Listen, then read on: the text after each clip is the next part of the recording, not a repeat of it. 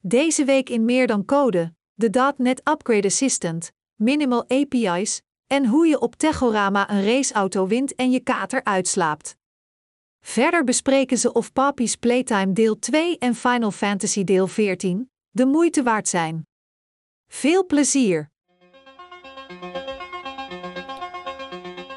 We zijn we weer. Aflevering 4 van seizoen 2 van onze podcast Meer dan Code. Deze podcast maken we nog steeds met Martijn, Hey. Roland Hi, hi. en Stuart. Hallo. En mijn naam is Dennis. Hij is En- niet vergeten. Ik ben niet vergeten. Wat goed, wat goed. Ik had het hier opgeschreven, vergeet jij gedaan. en eh, laten we meteen beginnen met het hoogtepunt van onze week. Stuart, Vorige week, en dat is heel gek om mee te beginnen met het hoogtepunt van de week. geef niet. Maar vorige week was Techorama in België. En dat was natuurlijk al heel leuk. Ik keek naar Roeland, want ik gok dat ik weet wat zijn hoogtepunt van de week is. Je stilt mijn hoogtepunt. Precies. Maar ik heb een specifiek moment op Techorama. Eh, er was er namelijk één bedrijf wat een stand had. ehm, waarbij ze een Lego McLaren Formule 1 auto weggaven als je de snelste tijd reed. Ze hadden twee racestoeltjes met de Formule 1 game staan. En op de eerste dag heb ik de snelste tijd gereden. Nice. Dus ik heb een Lego McLaren Formule 1 auto gewonnen. Lekker, die onderweg is as we speak. Niet rijdend, maar gewoon in de doos. Waarschijnlijk wordt die gewoon bezorgd. Dus eh, ja, een mooi hoogtepunt. Dat snap ik, Dat is ja. best een, een dik ding, toch? Klopt. Die wilde je ook wel heel graag hebben, toch? Ik ben blij dat ik hem uiteindelijk niet begin dit jaar heb besteld. Ja, inderdaad.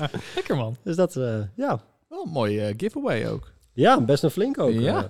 want ze deden elke dag deden ze er eentje. Moeten we het bedrijf dan noemen omdat ze zoiets doen? Of is, gaat dat Daar te twijfelde ik ver? over. Want Ja. daarom zei ik inderdaad, Ja. een bedrijf had een stand. Je hebt het wel zelf verdiend, hè? Het is niet zoals ze hem je gaven. Nee, dat is waar. Dus gaan we het noemen? Ja, noem het. Codit. Oh, nou, dat is goed. Goed bedrijf. Dat weet ik niet, maar ze Denk zijn ik. goede giveaways. Ze, ze doen goede giveaways op Techorama. Dus als je gratis spul wil, ja, Ja, precies. Techorama. houd Techorama in de gaten. Leren racen, Formule 1. Ja. En dan eh, kan je naar Techorama. Zeker. Ja, wat ik zo mooi vind, is dat je van één guy heb je echt zijn hele tweede dag verpest. Want die eerste dag greep hij mis, want toen had Stuart de snelste tijd. Dus hij had alleen de tweede dag nog om de snelste tijd neer te zetten. En die gast, die is gewoon heel de dag niet van die stand geweken. En die heeft dus al die sessies geskipt. Die is niet naar de keynotes gegaan. echt waar. Die is Ja. alleen maar bij die stand. Elke keer als er dan iemand kwam, werd hij helemaal zenuwachtig. En dan was er op een gegeven moment iemand die had exact dezelfde tijd gereden. Het was dus echt, we gingen ze een shootout organiseren op het eind van de dag. Maar toen ging die toch nog een keer en dan was hij weer sneller. Maar die is dus de hele dag Oh. gewoon die stand in de gaten. Moeten we zijn naam ook noemen? Nee. Zo iemand moet tegen zichzelf beschermd worden, toch? ja, nou ja. Nou ja, als je het echt wel leuk vindt. Ja, Nou goed. Nee, Roland? maar dan heeft zijn werkgever heeft dus inderdaad 700 euro voor een kaartje betaald. En die heeft gewoon de helft heeft hij eigenlijk weggedonderd omdat hij is gaan racen. Kom beter gewoon meteen die McLaren kopen voor hem. Ehm, ja, dat was Voor het geld wel, efficiënt. ja. Ja. Ja. Maar ik heb dan ook niet echt een los hoogtepunt. Want ik was er ook bij op Techorama. Dus dat was wel weer lekker. Een conference, gewoon in person. Veel mensen. Bijna 1800 mensen inderdaad. Zweetlucht. Beetje, hoort erbij. Ja, lekker.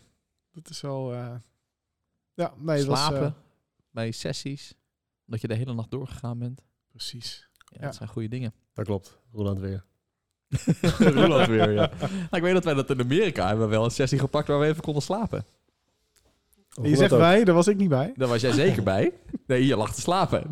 Wat? In Amerika? Nee, dat was ook in Techorama. Ja. Was dat Techorama? Ja. Oh, Ja, ja. Was je niet Toen bij in zaten jullie met z'n Nee. drieën Dat is zo mooi. zaten op een rijtje. Dat weet ik nog wel. Ja, dat was, eh, was het Ja, ja, dat- Techorama ook inderdaad, ja. Ja, maar toen was het, we waren vier uur terug of zo. Of vier uur lagen we in bed. En de eerste sessie, want Techorama Antwerpen, dan weten ze wel van Fanatiek. wanten. Dat is gewoon om Echt half negen fanatiek. beginnen. Dat was wel vroeg, inderdaad. ja dus dan precies. hebben we ergens tegen de lunch, of na de lunch, hebben we inderdaad één sessie gepakt die voldoende bezocht werd om niet op te vallen dat wij alle drie zouden gaan slapen. Ja, Welke sessie was dat? dat gaan we niet. Nooit. Die naam gaan we niet Ik weet het. Ik denk dat zij ook nog weten nou, welke- wanneer dat was. Drie jaar geleden dat drie van die maloten inderdaad gewoon zaten te tukken. Hoe leuk was het als nu dezelfde spreker was geweest? Ja, nee, dat was... dat ze eh, denkt. Dat is ook een beetje geoud. Dat ze denkt. Mensen voelen zich veilig bij mijn sessie. Dus die kunnen lekker Ja, die slapen. voelen zich. Of die snurk herken ik. Snur. ja. Nice. Martijn? Ja, mijn plafond zit er weer in in de werkkamer. Dus ik heb zometeen weer een werkplekje in de, in de Je verbouwing. hebt weer letterlijk een hoogtepunt. Eh, Hey. Het plafond. Oh, prachtig. Ja. Hebben we dat grapje vorige keer niet ook gemaakt? Ja. Waarschijnlijk, ja. Zeker. Blijft leuk. Puur Je value. snapte er nog steeds niet. Nee. Dat was ook wel- Vorige keer was ik ook niet aan het opletten. nee, geeft niet. Nou, dat is een mooi hoogtepunt. Dank je. En jij Dennis, wat is jouw hoogtepunt van de week? Mijn hoogtepunt van de week is eh, onze eh, trip naar Barcelona. Oeh. Dat was met eh, elf collega's. eh, vier dagen sangria drinken, tapas eten. Heerlijk. Genieten van de zon, verbranden. Lekker veel insmeren. En eh, een paar clubjes nog gepakt, Barcelona. En dan vroeg wakker worden in een hotel. Nou, dat was chill. Wel het hotel dat je geboekt hebt, toch? Een heel Ja, ander. In een hotel. Ook het hotel dat ik geboekt heb. Ja, inderdaad. Die konden we nog terugvinden. Dus nee, dat was echt eh, was leuk. Ik ben nog aan het bijkomen. Mijn stem is nog net niet helemaal terug. We doen allemaal rustig aan. Ik heb daar letterlijk, dat ik daar zondagochtend wakker werd, dat ik dacht... Hé, hey, mijn stem is anders. en dat heeft serieus drie dagen geduurd. Wat is die diep? Nou, hij sloeg steeds over. dat was heel gek, want ik een heel hoog Eindelijk de baard in de keer. ja, precies, opnieuw. Ja. Dus dat was mijn ehm, hoogtepunt van Mooi. de week. Laten we doorgaan naar ons eerste technische onderwerp. .NET Upgrade Assistant. Daar hebben we natuurlijk allemaal wel een beetje mee te maken. Iedereen moet naar .NET 6, .NET 7. Elke oude meuk wordt gemigreerd worden. Ik niet, overigens. Ik doe er Nee. vrij weinig mee. maar- Nee, natuurlijk. Ik heb gehoord dat. Ja. Succes jongens. Hebben jullie dit wel eens geprobeerd? Nou, vorig jaar hadden we het natuurlijk over. Dus Ja. toen hadden we beloofd om te gaan kijken of het, eh, of het nou echt zo eh, goed was. En ik was onder de indruk. Ja, je hebt ook gelijk de mother of all cases gepakt. Een .NET Framework 3.5 project Ja. naar .NET 6 dan. Naar .NET 6. En Ja. hoe ging dat, Roland? Nou, dat ging eigenlijk extreem vloeiend. En nou moet je wel bedenken, ik heb daar gewoon een heel simpel applicatietje voor gemaakt. eh, met een database erbij en opvragingje, een, eh een frontendje erbij. Het was niet heel spannend, dus wat dat betreft zou je kunnen zeggen, ja, maar daar werkt het dan bij. Maar ik werd eigenlijk aangenaam verrast door enerzijds hoe herleidbaar het is, want hij maakt echt een stappenplan voor je. Ehm, van deze stappen ga ik allemaal doen. Dus je doet eerst eigenlijk een soort dry run en dan maakt hij dus een heel overzichtje. En vervolgens kan je die stappen dus gaan doorlopen. En toen werd ik eigenlijk werd ik extreem eh, onaangenaam verrast. Want mijn frontend, daar zei hij van ja, bekijk het maar. Dat ga ik niet doen. En toen dacht ik, ja, zie, ik wist het wel, dit ding werkt niet. Maar eigenlijk is het natuurlijk volstrekt logisch, want dit was dan een 3.5, dus het was nog webforms. Echt het, oude, oudste meuk die je kan hebben. En het, ja, op zich is er niks mis mee. Maar er is ook geen tegenhanger voor. Weet je, het is niet hetzelfde. Het is nu of Razor Pages of je krijgt een JavaScript frontend. Dus daar zegt hij van, ja nee, dat, dat, daar moet je toch echt zelf wat mee doen. Dat ga ik niet voor je doen. Maar alle andere backend projectjes, dus alle libraries en zo, dat heeft hij gewoon feilloos heeft hij dat overgezet. Dus Dus, Alles daadwerkelijk .NET is goed gegaan, zeg maar. dus echt gewoon de, de, de, de, de, de backend en de, de gedeelde libraries. Eh, er zat ook anti-framework in. Nou, dat was dus echt oude meuk anti-framework. Want bij 3.5 is volgens mij anti-framework 1 of zo. Dat was echt gewoon de eerste versie die er was. En dan gaat hij dan ook netjes gewoon eh, de, nieuwste, de nieuwste versie daarvan eh, downloaden, configureren. Eh, en het werkte allemaal nog. Dus het was, eh, ik was eh, eigenlijk wel onder de indruk. Nice. En hoe gaat het dan, die Upgrade Assistant? Is dat gewoon een programma wat je installeert? Is dat iets in Visual Studio wat je aanklikt? Nou, het, is, eh, het, is, ja, het gaat vanuit de command line. Dus je installeert hem wel, maar het is gewoon een command line. Ja, .NET is natuurlijk het hele nieuwe .NET. Dat is natuurlijk ook eh, de .NET Run. Dat, dat is gewoon een command line. Eh, dat is ook waarom het natuurlijk zo prachtig multiplatform kan en waarom je het ook overal kan draaien. Maar het voelt wel heel gek dat je zo'n zo'n migration dat je dat gewoon in de command line doet. En dan zijn die stappen dus heel handig. Want Wat, dan, wat genereert hij dan, die stappen? Dat is gewoon een file die die output of zo? ja, dat is een file. Uit mijn hoofd is het. Ik, ik dacht dat ik naar XML had zitten kijken, maar dat lijkt me niet. Ik denk dat het gewoon JSON is, maar het is gewoon een overzicht van al die stappen wat hij dan gaat doen. Dus dat is per library dat hij dan gaat upgraden, wat hij dan voor nieuwe versie had of, wat hij anders doet. En vervolgens kan je dus, als je bij die migration, kan je stap voor stap, kan je die, ja, die stappen uitvoeren. Dat is, zit een beetje in het, eh, in het concept. Maar dan, ehm, En dan zegt hij of het denkt dat, dat hij denkt dat het goed is gegaan. Of dat, hij, eh, dat je nog iets moet checken. Nou, dit was simpel genoeg dat het eigenlijk in één keer goed ging. Dus dat was wel... eh, het voelt soms een beetje gek. Want dan vraagt hij, moet ik de volgende stap uitvoeren? Dan zeg je, doe maar. En dan vraagt hij gelijk weer, moet ik de volgende stap uitvoeren? Ja, doe maar. en dan doe je dus inderdaad voor al die stapjes. En dan eh, is hij op een gegeven Je moment klaar. echt helemaal niks meer te doen. Echt, eh, En komt dat nu omdat het best wel simpele projecten zijn? ja, Wat nou als ze wat complexer worden, echt mega eh, oude .NET Ik denk dat het vooral misgaat als je gekke third-party dingetjes hebt gebruikt die niet meer worden ondersteund. Als je bijvoorbeeld Spring.net hebt gebruikt, waarom zou je dat willen? Dat is, Spring is natuurlijk normaal gesproken voor Java. Nou, heb je ook een .NET variant. We hebben ooit een keer in het wild, ik kijk Stuart even aan, want die kent dat misschien nog wel. In het wild hebben we ooit een keer de implementatie gezien van Spring.net. Moeten we die naam weer noemen? Nee, die naam gaan we zeker niet noemen. Ehm, maar dat, ja, dat moet je niet willen. Weet je, dat wordt al eh, acht jaar niet meer gesupport. Dus dat gaan ze ook niet van zeggen, ja, dat kunnen we voor je upgraden. Dus dat, en daar zal ook geen nieuwe versies voor zijn voor .NET 6. Want er is geen .NET Standard implementatie van gemaakt ooit. En dan zegt hij gewoon, dit kan ik niet doen.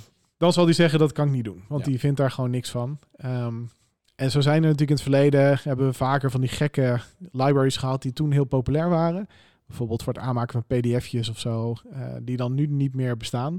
Ja, dan zal je tegen issues aanlopen. Dan moet je natuurlijk andere libraries zoeken en het stukjes herschrijven.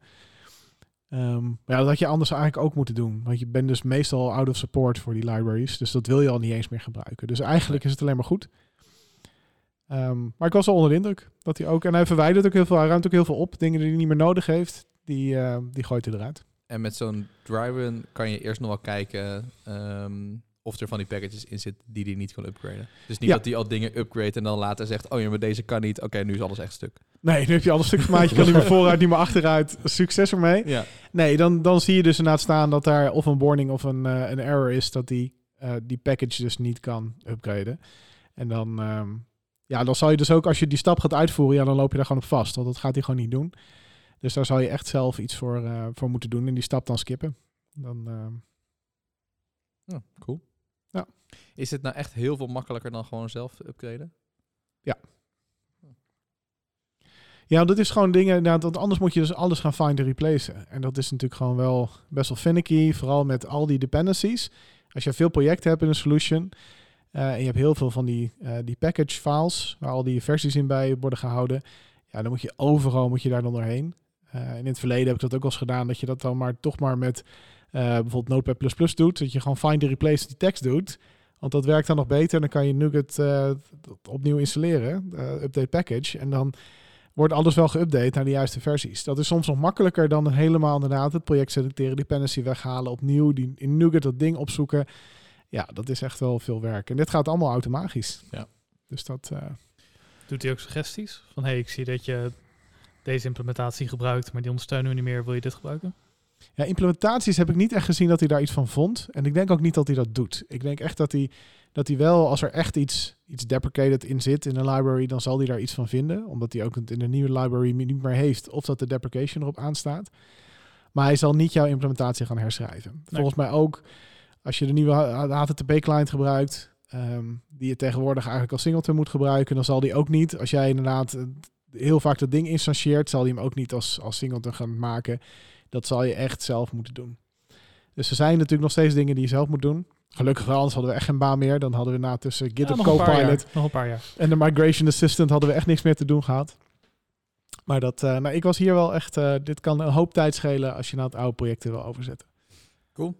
En er zitten ook geen beperkingen op vanaf welk framework je naar eh, boven wil werken. Nou ja, het laatste wat ik zelf aandurfde was .NET 3.5. Ik denk als je naar 2.0 gaat, daar zitten ook, eh, daar zitten toen heel veel breaking changes in, ook voor die generics. Daar zijn toen heel veel dingen in aangepast.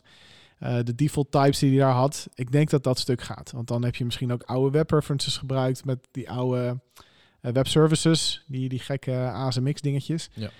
Ja, ik weet niet wat hij daarmee doet. Dus dat is wel interessant om een keer nog te bekijken. Maar dat is, ik was nu echt benieuwd van wat doet hij met gewoon oude projecten en kunnen we dat echt gebruiken bij klanten? Dat denk ik echt wel. Dus dat, ehm, Je hebt hem nog niet eh, bij klanten gebruikt. eh, nee.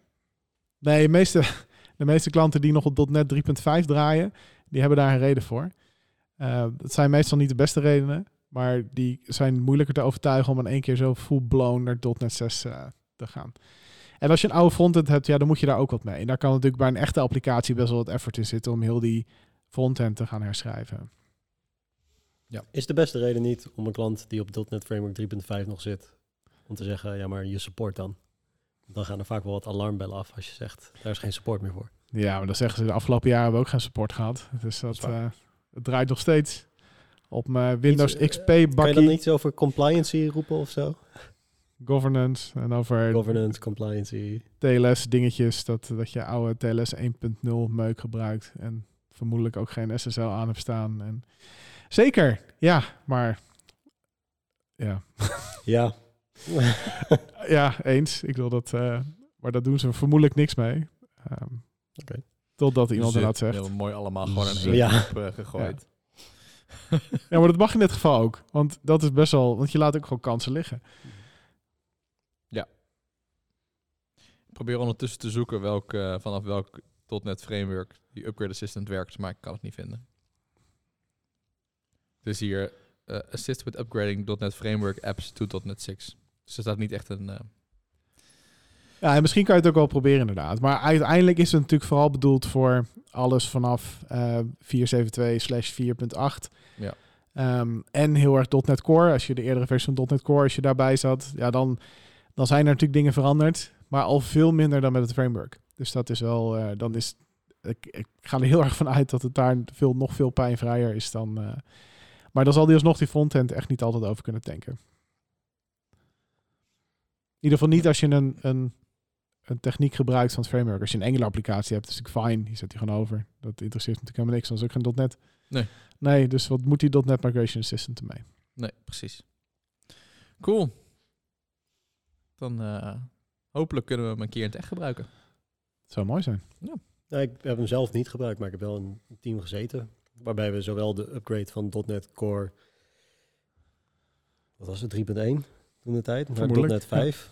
Inderdaad, die heb ik toen meegemaakt. Dat had iemand anders gedaan, maar ik had het meegemaakt, zeg maar. Het klinkt nu wel zo'n verhaal. Ik zat in een team. En Ja, die precies. had een buurvrouw. En die had een Ja. zus. En die, ik weet dat die ooit een keer...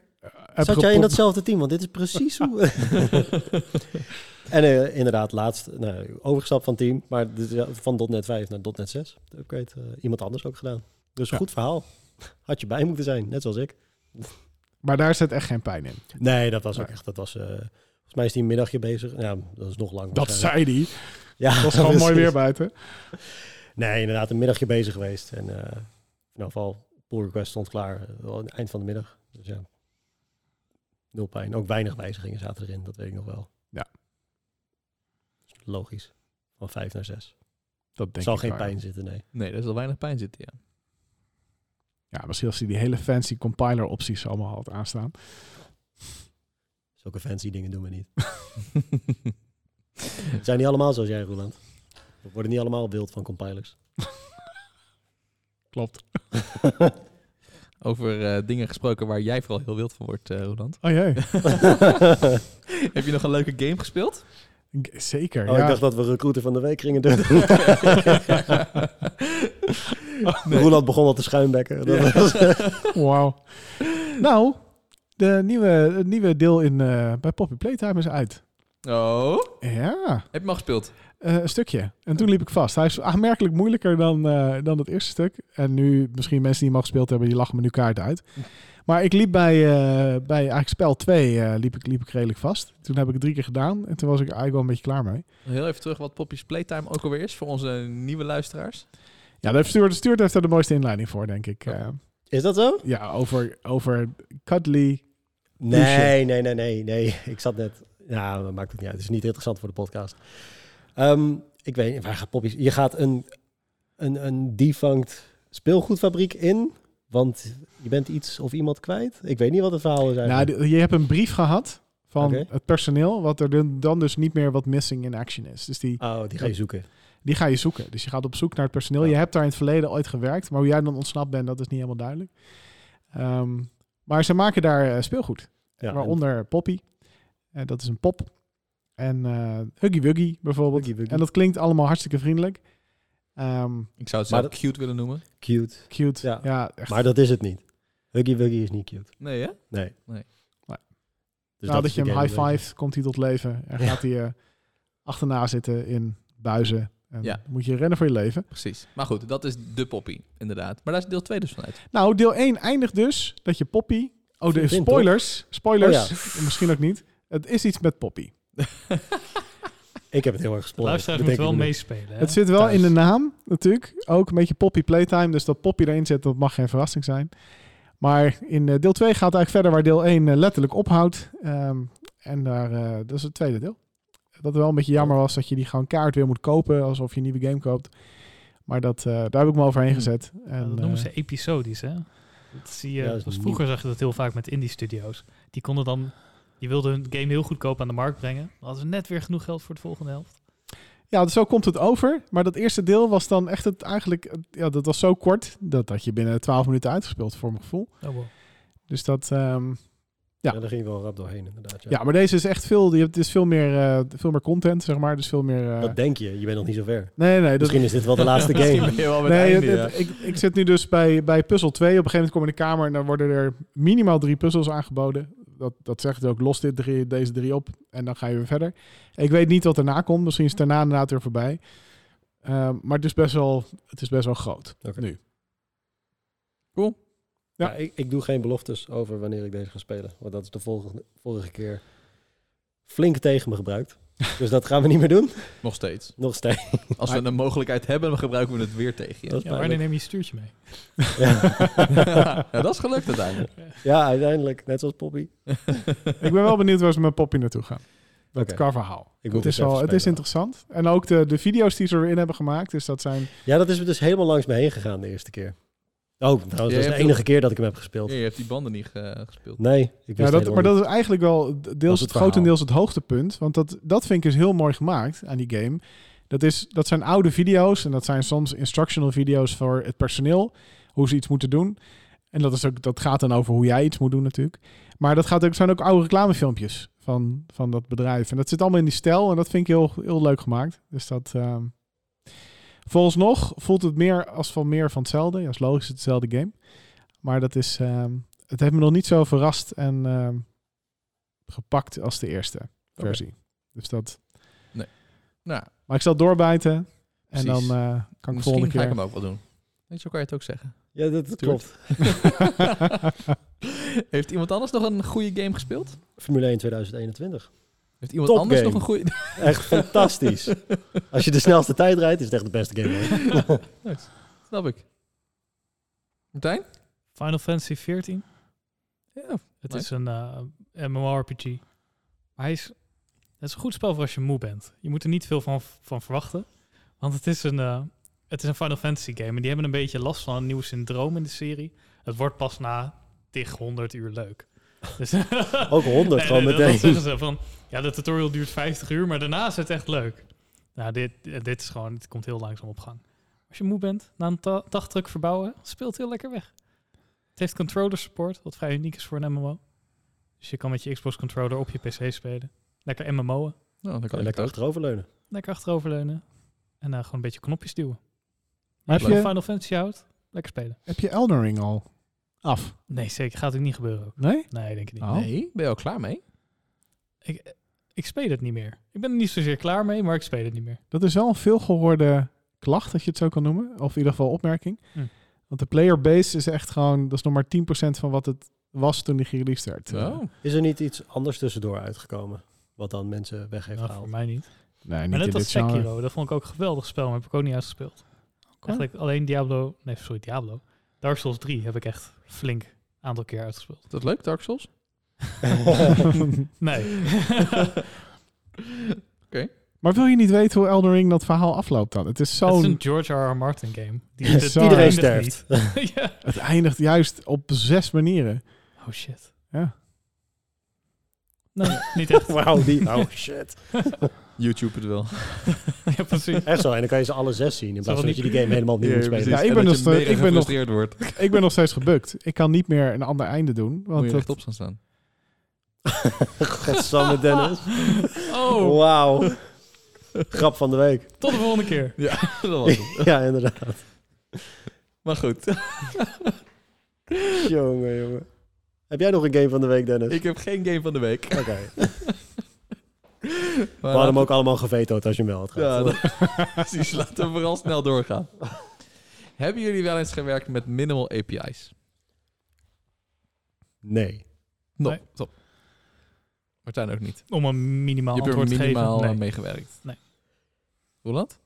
Heb je op Tegorama een mooie sessie gezien over Wat subtiel. minimal API? Een Toevallig. hele subtiele Ja. overgang Ah, ja? naar dit. Nee, maar ook dit hebben we natuurlijk vorige week... Vorige week? Hebben we dit vorige vorige week keer. genoemd? Vorige Vorige keer. keer hebben we natuurlijk minimal API's genoemd. Oh, is het zo? Dat is Eh, ik weet niet, misschien hebben we hem buiten de podcast genoemd toen. Inderdaad. Nee, nee, nee, dit was Maar- naar aanleiding van .NET 6. Oké, oké. 7, cool. 6, Zes. 7. Zes. Zeven. Ik zou het bij Zeven. zes houden. Nee, het is Nee, 7. we gaan tot naar... Hebben we toch 7. We hadden vorige keer hadden we de nieuwe... Oh, de nieuwe Was je erbij van vorige keer? Nee, nee, We niet gaan naar helemaal. 7. .NET 7. Wel oké. We Dus- gaan uiteindelijk nog veel verder, maar we Ja, gaan eerst even Voor zeggen. nu, we stoppen eerst even bij 7 en dan gaan Ja. we verder. stoppen. .NET Maui is echt nu eh Ja, ja. GA. Dus dat, was, dat ging Oh, over .NET ja, 7. komt terug. Toen hadden we het ook over minimal API's. En toen we- gingen we ons verdiepen tot, eh, tot vandaag in minimal API's. Want dan, wat is nou die use case? Want dat wist ik toen niet. Ik kon nog steeds geen use case bedenken. Volgens mij zei ik vorige keer ook vrij letterlijk... ik eh, weet geen, nog steeds geen use case. Waar kan je het voor gebruiken? En daar had inderdaad, op Telegramma hebben we daar wel een, een relevante sessie van gezien. Van eh, Sean, Sean Wildermuth. Wie kent hem niet? Wie kent hem niet? Van Pluralsight. Martijn, Martijn kent, hem niet, die steekt zijn hand op. Wil je wat zeggen, Martijn? Moet je Nee, plassen? nee, nee. Nee, ik ken hem niet. Nee, ken je Sean niet? Heb je nooit Pluralsight eh geopend? Heb je nooit wat geleerd? Zo, nou, Dennis. ik, ik probeer Cloud Academy uit tegenwoordig. Oh, is dat wat? Ja. Volgende keer. Volgende, Ja. volgende keer, ander onderwerp. Nice. Dat is wel interessant. Dat is een Ja. goeie. Goeie input. Maar Sean die had een sessie over minimal API's. En die had letterlijk, stelde die ook de vraag van wat moet je ermee? Of eigenlijk wilde, die ging die dat beantwoorden. Ja, wat moet je ermee? Wanneer zou je het nou gebruiken? Waarvoor zou je het gebruiken? Ik had al API's, waarom moeten ze nou minimal zijn? Goeie vraag. Heb je ook een goed antwoord, Roel? Nou, Kijk, Roel het aan. Ik zat bij dezelfde sessie. ja nee, we dus- zaten bij dezelfde sessie. We hebben eigenlijk, eh, is het een beetje wat we er al van dachten.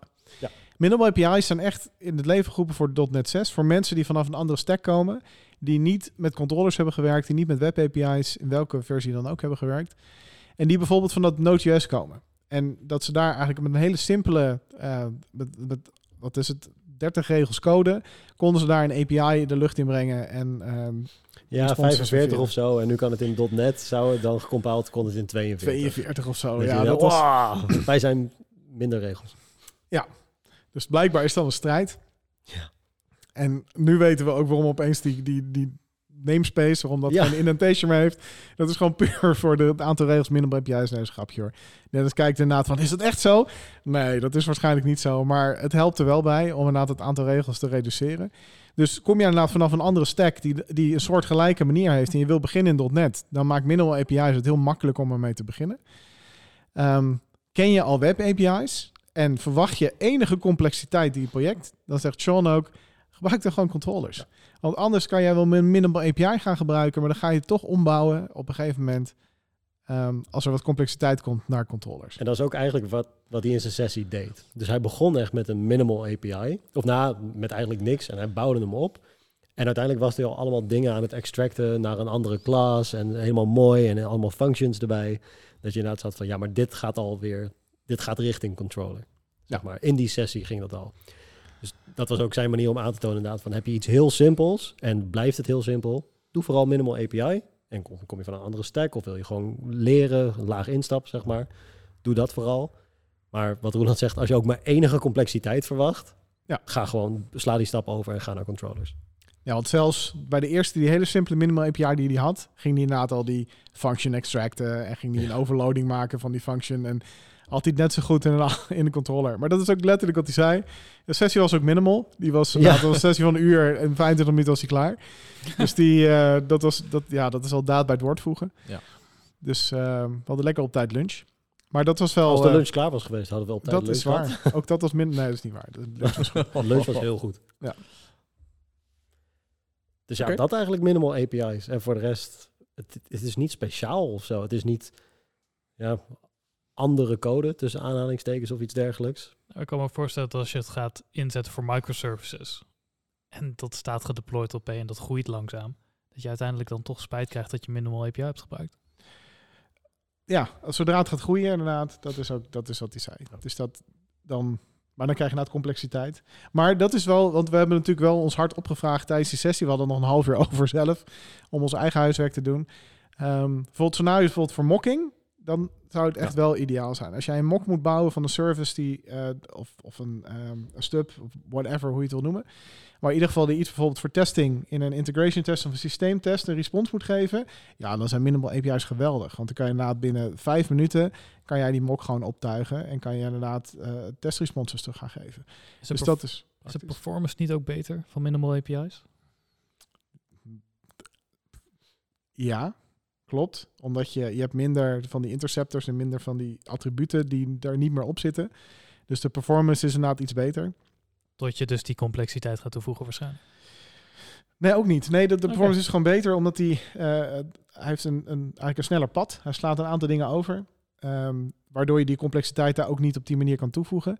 Maar hij zei, Sean, die heeft dat dus, die had dat ook gebenchmarkt en die had het over nanoseconden winst. Sick. Ja, maar dat is Ja. zodra je in dat, dat stadium komt. Meestal eh, werken wij voor onze klanten niet aan API's waar het ertoe doet dat, er, dat je nanoseconden bespaart. Ehm, die willen graag dat het werkt en 100% goed werkt. En een beetje goedkoop om te onderhouden, alsjeblieft. Eh, precies, Ja. ja. dus zorg dat de volgende developer daar ook iets mee kan. Cool. Wat is er? Ja, Martijn ik eh, ten eerste... ja, Martijn kijkt opeens heel indringend naar mij. Nee, ik, ik, ik hoorde, als je het echt wil weten, ik hoorde een stilte vallen. Ik dacht, hé hey Dennis, laten we het volgende onderwerp gaan. eh. Nee, goeie. Ik was even weggedroomd ja, inderdaad. daarom Ja, keek je wel. Ja, ik weet ook niet meer waar ik nou zat met mijn hoofd. Ik was niet meer bij de minimal. Barcelona. Barcelona. Nee, ja, misschien heeft het daar wel mee te maken, ja. Ja, dat ik gewoon nog eventjes aan het bijkomen ben. Hebben jullie nog andere leuke sessies gezien voor Techorama? Die Martijn en ik moeten terugkijken, bijvoorbeeld. Nee, je kan niks terugkijken volgens mij. Oeh. Nee, totale exclusiviteit. Daarom Zo. vragen Ja. we jullie nu uit. Nou, vertel eens. Nou, de, le- de leukste sessies, en daar hebben we uiteindelijk ook flink wat van eh, gevolgd, waren meer de self-improvement motivational sessies. Dus is ook wat we nodig hebben. Eh, Is ook wat wij nodig ja. hebben, inderdaad. Nee, dus niet zozeer de echt hardcore technische sessies. Die hebben we ook wel gezien. Ehm, en we hadden toevallig net eventjes hierover. Ik vind het fijner om een blog over een technisch onderwerp te lezen, want dan kan ik even Ja. terugscrollen van hoe zat het ook weer? Wat zei die nou net? Drie keer lezen, zodat je het echt begrijpt. Precies, weet je, een spreker kan ik zo moeilijk terugspoelen, zeg maar. Maar die ja, self-improvement, motivational talks. ehm, Ja, wat was dat over doe alles bewust? ja, dus eh, van Lars Klint. Eh, die heeft, ik weet niet meer de exacte titel, maar Turning Your Dreams into Reality of iets dergelijks. Ja. En ja, niks, niks nieuws of niks wat je nog niet eh, wist. Maar die zei eigenlijk van, ja, weet je, als je dan... Eh, dromen zijn prima, maar zijn vaak heel groot en vaag en ver weg. Dus maak er een doel van. Dus binnen vijf jaar wil ik daar staan. En maak ze, maak ze smart eigenlijk, daar kwam het een heel klein beetje op neer. Ja. Ehm, en dan de volgende stap was inderdaad met je tijd. Zeg niet overal zomaar ja op. Of zeg ook niet van, ja, ik, ik kijk wel of ik dat haal. Want daarmee geef je jezelf een out om het niet te halen. Dus be intentional met nou ja, alles eigenlijk, maar vooral dan met je tijd. Dus zeg alleen ja tegen de dingen waarvan je ze wil doen en weet dat je ze kan doen in dat tijdpad. En die bijdragen aan die dromen. en die inderdaad en- bijdragen aan dat doel. En de doelen. Ja. Lars Clint met een K. Ja. Ja. Microsoft MVP. Ja, Ja. en plural site author Ja. gebeuren. Dus dat was een hele leuke, was ook een goeie, want dat was de opening van dag twee voor, voor ons dan in elk geval. Dus dat was inderdaad. ja, dag- maar dat was ook goed om wakker bij te blijven. Want Precies. Lars zorgt daar wel voor. Ja, Lars die doet interactieve eh, sessies. Die zegt dus inderdaad, ja, ik heb een verhaal. Maar als je vragen tussendoor hebt, schil ze gewoon. Wacht niet tot het eind. Ehm, en als die, dat wil hij ook heel graag, die vragen. Dus dan laat hij ook gewoon die stilte vallen, net zolang totdat er iemand een vraag stelt. Wat heel ongemakkelijk is, totdat die eerste vraag is gesteld. En daarna Ja, heeft niemand er meer moeite mee. Ja. Dus dat was een leuke sessie. Ehm, we hadden ook een sessie over slaap. We hadden net natuurlijk de grap dat eh, deze drie heren hier zo hebben geslapen tijdens Techorama. Drie jaar geleden uit mijn hoofd. Ja. En nu hadden we een sessie over slaap, dus er was geen beter excuus. Roeland heeft dat excuus ook met beide handen aangegeven. dat, eh, Wat? ja, 100%. Nee. Ik zat heb niet naast je. geslapen. Jawel. Ik heb niet sliepen in de geslapen. slaapseminar. Ik heb niet geslapen. de heeft-. Stel mij ja. een vraag over die slaapseminar. Over Hoe heette die kerel? Reiner. Ja, dag. In Nee, welke het zal taal vast was wel. de sessie? In het Engels. Oh. Zoals alle sessies we tegenhouden. Maar je hebt wel eventjes je ogen dicht gehad. Je hebt niet de hele sessie geslapen, dat beweer ik niet. Hij Je bracht het gewoon even in de ja. praktijk. Nee, ik was intentional. Ik had het, Oh ja. het advies van Lars, heb ik gelijk, be intentional. Ik heb me even afgesloten voor de visuele prikkels, zodat ik het verhaal volledig tot me kon nemen. En wat was het verhaal? Slaap. Slaap is belangrijk. Dat was het verhaal. Heel Is ook heel belangrijk. Ja, en eigenlijk de beste sessie van Techorama, de afsluiter van Richard Campbell. Ja. Die nou in een uur eigenlijk de alle ontwikkelingen van de afgelopen tien jaar op zo'n beetje elk gebied. Bedenk maar iets, het zat wel in die presentatie. En dan de tweede helft van die talk, dus het tweede half uur, ging dan over wat zit er dan de komende tien jaar aan te komen en wat betekent dat voor ons als developers. En dat was echt een geniale sessie. En Ja. die man die kan het ook uitleggen op zo'n manier. Ik denk dat hij het gewoon wel snapt waar hij het over heeft. Hij weet niet, ook scheikundige dingen, weet je, dan weet hij niet op detailniveau precies hoe het allemaal werkt, maar hij weet gewoon wat houdt het in en wat is de impact daarvan. En hij kan het heel goed overbrengen. En hij geeft je dus het gevoel dat, hè, mocht je net die ene persoon zijn in de zaal die er heel veel van af weet, dat hij gewoon met je mee kan op dat niveau. Ja, ja. Dat is echt ongelooflijk hoe die man dat doet. Tof. Cool. Dat is Echt toch die leuk. gast van de .NET podcast ook? Van .NET Rocks. .NET ja. Rocks, ja, die. Campbell. Nice. Ik zat net te kijken naar Lars Klint. Ik volg hem gewoon op Instagram. Snap ik. Ik heb nog nooit een post van hem gezien, volgens mij. Maar eh, Nou, als je ooit een sessie van hem kan bijwonen, het is altijd leuk. Welke Cool. sessie deed hij nou die dag daarvoor? Ik kan me niet herinneren. Waren we ook bij. Ah, dat Ja. was een technische sessie. Oh, de machine learning. Oh, machine learning met spam. Zo, toen had ik nog een goede suggestie. Oh ja. wat was de suggestie? De language detector, ja, dat is gewoon de cognitive service. Dat is gewoon een hele, ik bedoel, dat, dat, ja. Ja, er was iemand die had een vraag van... Het ging over spam en of cognitive services dan kon zien of spam well-intentioned was of iets dergelijks. Zoiets was het toch? Of spam een mening Ja, de titel, de titel klopte niet helemaal met wat hij uiteindelijk ging doen. Nee. Dus dat, dat hij ging eigenlijk kijken, de spam die wordt gestuurd, is dat inderdaad positief of negatief? Daar Ja. kwam het op neer. Ehm, ja, wat heb je eraan? De, dus de intent, dus de cognitive services, Ja. die kunnen intent uit een zin halen. Nou, Ja. dat liet hij dan los op zijn spam-inbox. Ehm, en toen was er iemand die vroeg inderdaad van, maar kan cognitive services, kunnen die dan ook taal herkennen? Want in, dit, in het voorbeeld dat hij liet zien, moest je hem echt zeggen van, oh, dit is een Engelse mail. Mm. En had hij ook voor de grap had hij een Spaanse spammail eh, gepakt en dan moest hij hem echt op Spaans zetten. Het zei iemand dus van, maar kan je die stap er niet eigenlijk uithalen? Kan je hem dat niet laten detecteren? En toen zei Roeland, oh ja, dat staat links bovenin. dat was inderdaad wel, Nice. moet je die knop hebben. Dat was een hele En goede toen- suggestie. En En toen dan hebben we dat merk je dus dat, dat Lars Klint inderdaad wat langer meeloopt, dat hij ballen heeft. Toen heeft hij die, die cognitive service die hij niet kende, Heeft die is hij live gaan demoen. Ehm, het was natuurlijk niet heel ingewikkeld. Ik, ik had hem ook wel gedurfd, denk ik. ja, nee, Ja. maar toch. Het is wel, het, ja. Ja, je moet het maar doen. Ja. Hm. Was cool. Nice. Leuk, jongens. Ja, en gewoon waar, ja, Roelands hoogtepunt van de week inderdaad. Het feit dat het weer op locatie was. Dus Ja. niet vanuit je bureaustoel waar je al twee jaar in zit. Weer een stream openen. Ja, en Volg je nog wel eens dingen online? in het begin van corona toen. Ja, maar nu. Nee, nu bij, of qua events niet meer. Nee. Het meeste is weer gewoon in person. Ja. Maar gewoon zo'n groot event. Ik bedoel, we hebben ook al een Azure Thursday gehad. Verschillende meetups hebben we al in person gehad. Wat natuurlijk al leuk is, maar is nog een beetje kleinschalig is. Is ook leuk. Is ook zeker heel leuk. Maar nu was het weer 1800 man in de bioscoop in Antwerpen. Ga je naar Azure Lowlands? Ja, zeker.